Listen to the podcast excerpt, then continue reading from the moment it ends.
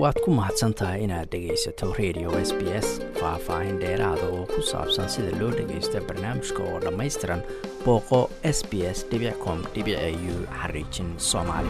Horese soomaalida qurbi joogta ama meelay joogaanba waxaa aad isha loogu hayaa doorashooyinka dalkii ka socday muddadii u dambeysay iyadoo hadda gebagebe ay joogaan doorashadii xildhibaanada. Markaasna la filayo inay madaxweyne doortaan dad badan oo qurbi jooga ayaa rajo xumo ka muujinaya nidaamka sida uu uga socdo dalkii. Muumino caynab waa hooyo degan magaaladan melbourne aadna uga dayrinaysa sida waddanka ay wax uga socdaan. Waxaan weydiiyey bal aragtideeda ku aadan doorashada waddankii ka socota waxayna tiri. Waxa weeye doorashada soomaaliya ka socota anugu kolaba anoo ku hadlaya magaca qurba joogta soomaaliyeed meel kastoo ay joogto iyo haweenka iyo carruurta dhiban oo qurbaha ku dhiban anoo afkooda ku hadlaya oo aan aaminsanahay inay igu fikrad yihiin ama igu dareen yihiin waxaan soomaaliya ka socda doorasho. Anugu kolaba ma dhihi karno doorashaa ka socota sooma soomaaliya doorashaa ka socota ma dhihi karno arrinkaas waa garta marka waxyaalaha ugu waaweyn oo adiga kuu muuqda oo ku dhibay maxaa ka mid a walaalla waxa wax weyn baa meesha ka socda oo macnaha foolxumo ah. Maahmaahadii xasan sheikh baan soo qaadanaynaa dhiiqa ayaa lugaha lagula jiraa. Dhiiqo dhiiqo ayay lugaha la galeen siyaasiyiinta madaxda hogaamiyaasha soomaaliyeed oo ummaddii soomaaliya dal iyo dabadba ay sugayso. Waxa weeye siday wax ku wadaan ama ay doonayaan inay waddanka ku xukumaan ama ay doonayaan dalka inay ku maamulaan si qurux badan ma ahan si ummaddii niyad-sab iyo hamidaro iyo ka quusasho waddankii dhammaa ilaahayna siiyo ilaahay nagu beeray ayaa anaga kolaba noo muuqata. Waan arkaynaa wax aan ka qaban karno na ma jirto talena nala kama qaadanayo dee yaa nala tashanaya yaasan na og yaasana dhegaysanaya. Waana aragnaa foolxumada meesha ka jirta foolxumadaas oo ah in lacag lagu kala gadanayo kuraastii in saaxiibtinimo iyo hoosta la iska gelayo macnaha hoostaa warqad la iskaga dhiibayo ama isha la iskaga jebinayo in aan dadkii kursiga lahaa ama maamulka lahaa ama qabiilaba awalba iyadoon arrin qurux badan loo marin oo qabiilo loo gacanta loo geliyey masiirkii dadka soomaaliyeed. Misna qabaa'ilkii iyo odayaashii salaadiintii ay dad gaara iyo aan macnaha amaba laga qaarna lagalamaba tashanba oo lama ogeysiin. Qaarna lacag bay ku qaateen oo lacag ahaan bay ku bedesheen ummadooda masiirki kursiga ay lahayd ama ay kursigu dadka ku abtirsanayey lacag bay odayaashii iyo salaadiintii ay ku bedesheen haddayba jiraanba qaarna lagalamaba tashanba. Iyagoon ogeyn ayaa kursigoodii oo la qof ku fadhiya ama la leeyahay waa la doortay wax la doortayna ma jiraan iyuunbay magaalada ka arkeen ama miidiyaha ka arkeen. Waa gartay. Marka hadda xildhibaanadii weeye waxaa la soo dooranaya dabcan oo inta badan hadda la soo doortay xildhibaanada sida hadda aad sheegto aad dhaliilsantaha lagu soo doortay sidee bay u saameynayaan doorashada madaxweynaha iyo nidaamka dowladnimo soo socda? Walaalla waxaa la yidhi hal xaaraan ah midig xalaala ma dhasho. Oo macnaheedu waxa weeye haddaad hal xaaraana soo xaddo oo hashii ay xeradaada ku daahdo ama aad iska haysatid nirigta ay dhashay oo ay kuu dhashay adigu ha u malayn inaad leedahay weli waa xaaraan. Hashii nirigteedu waa isla xaaraan taa oo macnaheedu tahay xildhibaanka maanta ku yimid laqdamada iyo lacagta iyo lugooyada iyo debandaabyada iyo isdabamarinta iyo laablaabka ku yimid. Madaxweyne daacada ma keenayo. Madaxweynaha laftiisa doonaya in lagu lagu doorto saana oo sida xildhibaanada noocaa ku yimid inuu asna ku soo baxa doonayana dee kaa asaguna buu ogyahay inuusan macnaha cadaalad samaynayn dadkuna cadaalad uga fadhin sababta xildhibaanadiisii baaba sidaa ku yimid. Waa hal xaaraana nirig xalaala ma dhasho. Unbay ka dhigan tahay sheekadu. Marka ummaddan ilaahay baa u maqan. Carruurahanagii iyo dadkanagii iyo ilmahanagii iyo annagiiba waddankanagii baan u taltabiyaysana taltabiyo ayaana haysa inaan u noqonaan doonaynaa. Carruurahanagi inaan waddankii ku celinaan doonaynaa. Inaan afti barnaan doonaynaa. Meel aan ku celinayna garan mayno. Ma soddon iyo dhowr sanay nagu qaadato. Soddon iyo shan sanay nagu qaadatay qurbaha aan wareegayno taagana aan leenahay berri berri berri aanaan rajo dhigaynin dib bayna u socoto maalinkan maantay ah labada kun labaatan iyo labada ah wakti ay ka liidato oo ay ka maamul xunta oo ka qaab daran tahay anugu maba arkinba intaan soo joogay kollaba waa garta marka muumina ma waxaad leedahay nidaamka sida uu u socdo iyo sida xildhibaanada loo soo dooranayo iyo sida madaxweynaha loo dooran doono iyo nidaamka guud ahaan socda sidaad u nacsan tahay waxay keenaysaa inaadan waddankii oo aad jeclaan lahay inaad dib ugu noqotid oo aad rabtid oo carruurtaada aad geysid inaadan ku noqon waddanku soo jiidanaya maaha miyaad leeda may ma jirto hami iyo niyadba uma hayno. Sababtoo ah waxaa hami iyo niyadna geli lahayd oo aan u riyaaqi lahayn oo u dhegtaagi lahayn. Markii maam qaabkay wax u socdaan siyaasaddu qaabkay u socoto qaabka hogaamiyaashanadii iyo madaxdii mari ay u dhaqmayso markaan aragno qaab qurux badan oo cadaalad aliista bal cadaalad maba samaynayaane wax u soo dhow oo u eg cadaalad hadday ka muuqato ayaan u hunguri laakiin hadda aad bay niyaddanadu u xun tahay aad baan u niyad tabsannahay insha allah biidni illaahi kariim. Ilaahina waxaan ka baryayaa in uu arrinkan arrin ka wanaagsan uu noo keeno. Dadku waxaan dhihi lahaa anugu kollaba waan soo jeedin lahaa. Kitaabadaha iska daaya un kitaabada. Dhaarta kitaabadaha soo qaadanine iska daaya sababtoo saad ku timaadeen waad ogtihiin. Ilaahayna waa og yahay soomaalina waa idin og tahay marka kitaabka ha isku badinin dembigiisa iyo dhaartiisa ha isku badinin aan dhihi lahaa. Anugu intaasaan soo jeedin lahaa.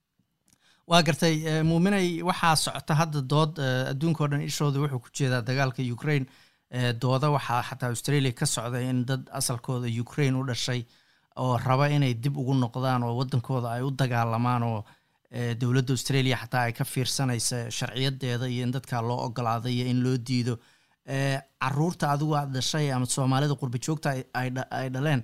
Haddii hadda soomaaliya lagu soo qaado layidhahdo dalkiini ma ku noqonaysaan. Maxay ka aaminsan yihiin baad isleedahay haddii kuwa dhashay oo kale tusaale u soo qaadatid ama guud ahaan? Carruurtu waa isku mid macnaha carruurta soomaalida markaan ka soo qaado kayga wuxuu la mid yahay mid kaloo america ama ingiriiska ama yurub ku nool. Waa isku mid waan isku macnaha waa isku xidid isku tanal bay ku wada jiraan because waddankoodii bay arkayaan.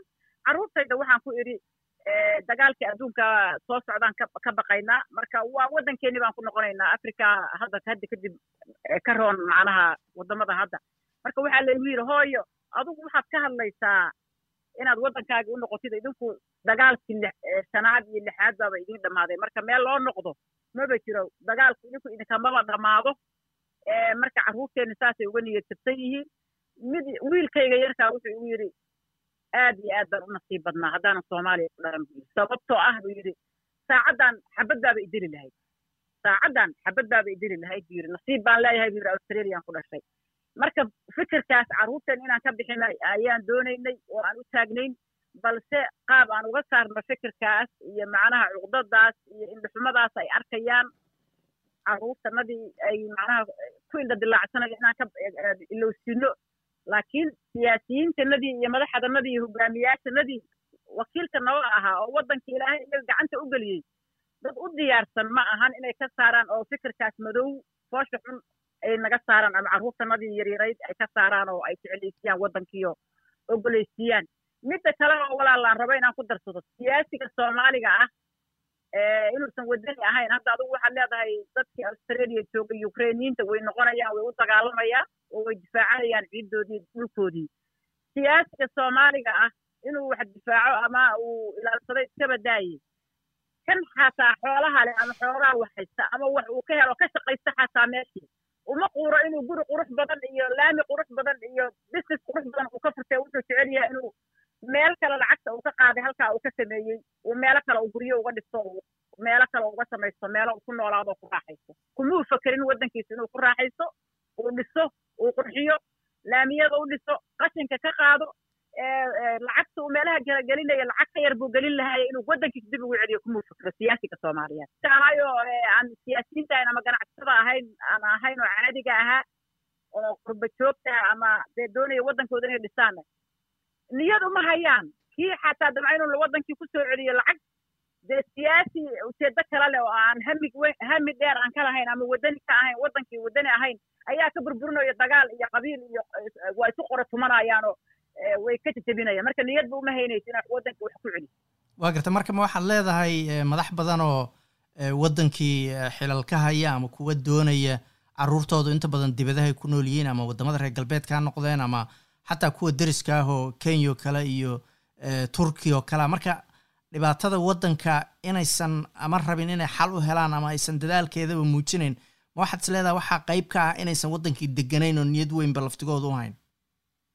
Haa ninku wuxuuba u tagaa inuu ka soo shaqaysto sidii meelihii macnaha mining oo kale meelaha mininka ah ama dahabka laga qodo ama macdanta iyo dhuxusha laga qodo.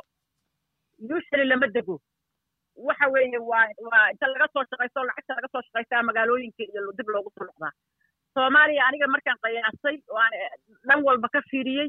Waxay ila noqoto sidii mininka iyo dhuxusha meesha laga qodo ceelasha dahabka laga qodo kale laga soo caraabo galabtii subaxdii loo shaqo tago.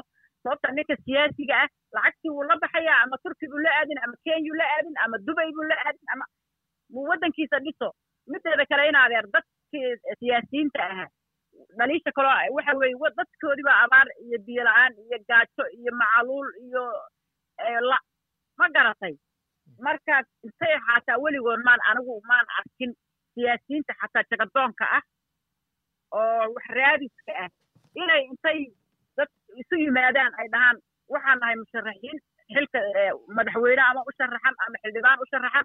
Waxaan lacag u aruurinaynaa ama u doodaynaa dadkanagii maatadanadii iyo deegaankanagii oo abaaru ka jirto. Soomaali baan waxu aruurinaynaa annagu saasaan waxu qabanaynaa.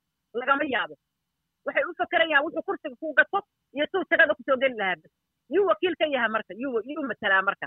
Waa garta ugu dambeynta marka muuminay intaas hadda aad sheegtay oo aad ka cabanaysid iyo dhibaatooyinka aad aaminsantaha siyaasiyiinta soomaalida oo inay leeyihiin qurba joogta adigoo kala aragtiyadaas ma kula qabaan mise laftigoodu kala qaybsanaanta siyaasadda iyo mucaarad iyo muxaafid iyo ninjeclaysigaas unbaa qurba joogta laftigooda ku jiro guud ahaan dhibka waddanka ka socda ma arkaan waxaan aaminsanahay qof damiir leh oo macnaha ama dal ha jooga ama dabadda ha jooga horta inuu fikirka anigu aan qabo ila qabo. Laakiin cudur kalea jiro asaguna ku xoog badan oo asagoo qofkii gaajaysan oo macnaha u baahan fikirkayga uu mahadinayo ama uu u riyaaqsan yahay. Misna qabiil iyo mucaarad iyo anigaa kan la jira iyo kan wuxuu doona ha qaso saasaan ku qanacsanahay fikirkaasna waa jiraa oo arrintaasaa macnaha aad iyo aad noogu badan laakiin waxaan rajaynayaa dadka maskaxda fayo leh ama waddankoodii u xeerinaya waddaniyiinta ama dalkoodii jecel ama inay ku raaxaystaan raba ama inay sa ummadda kale adduunka say u nooshoo kale unool u noolaadaan doonaya inay ila qabaan ama dal ha joogeen ama dabad ha joogeen. Fikirka anigu aaminsanahay inay ila aaminsan yihiin laakiin ay keliyaha haystaan oo bannaanka ka taagan yihiin oo wax dhihi la yihiin. Taasina waxay ahayd muumine caynab oo khadka telefoonka ee magaalada melbourne iigu warramaysay waad ku mahadsan tahay inaad dhegaysato radio s b s faah-faahin dheeraada oo ku saabsan sida loo dhagaysta barnaamijka oo dhammaystiran booqo s b s com u xariijin soomaali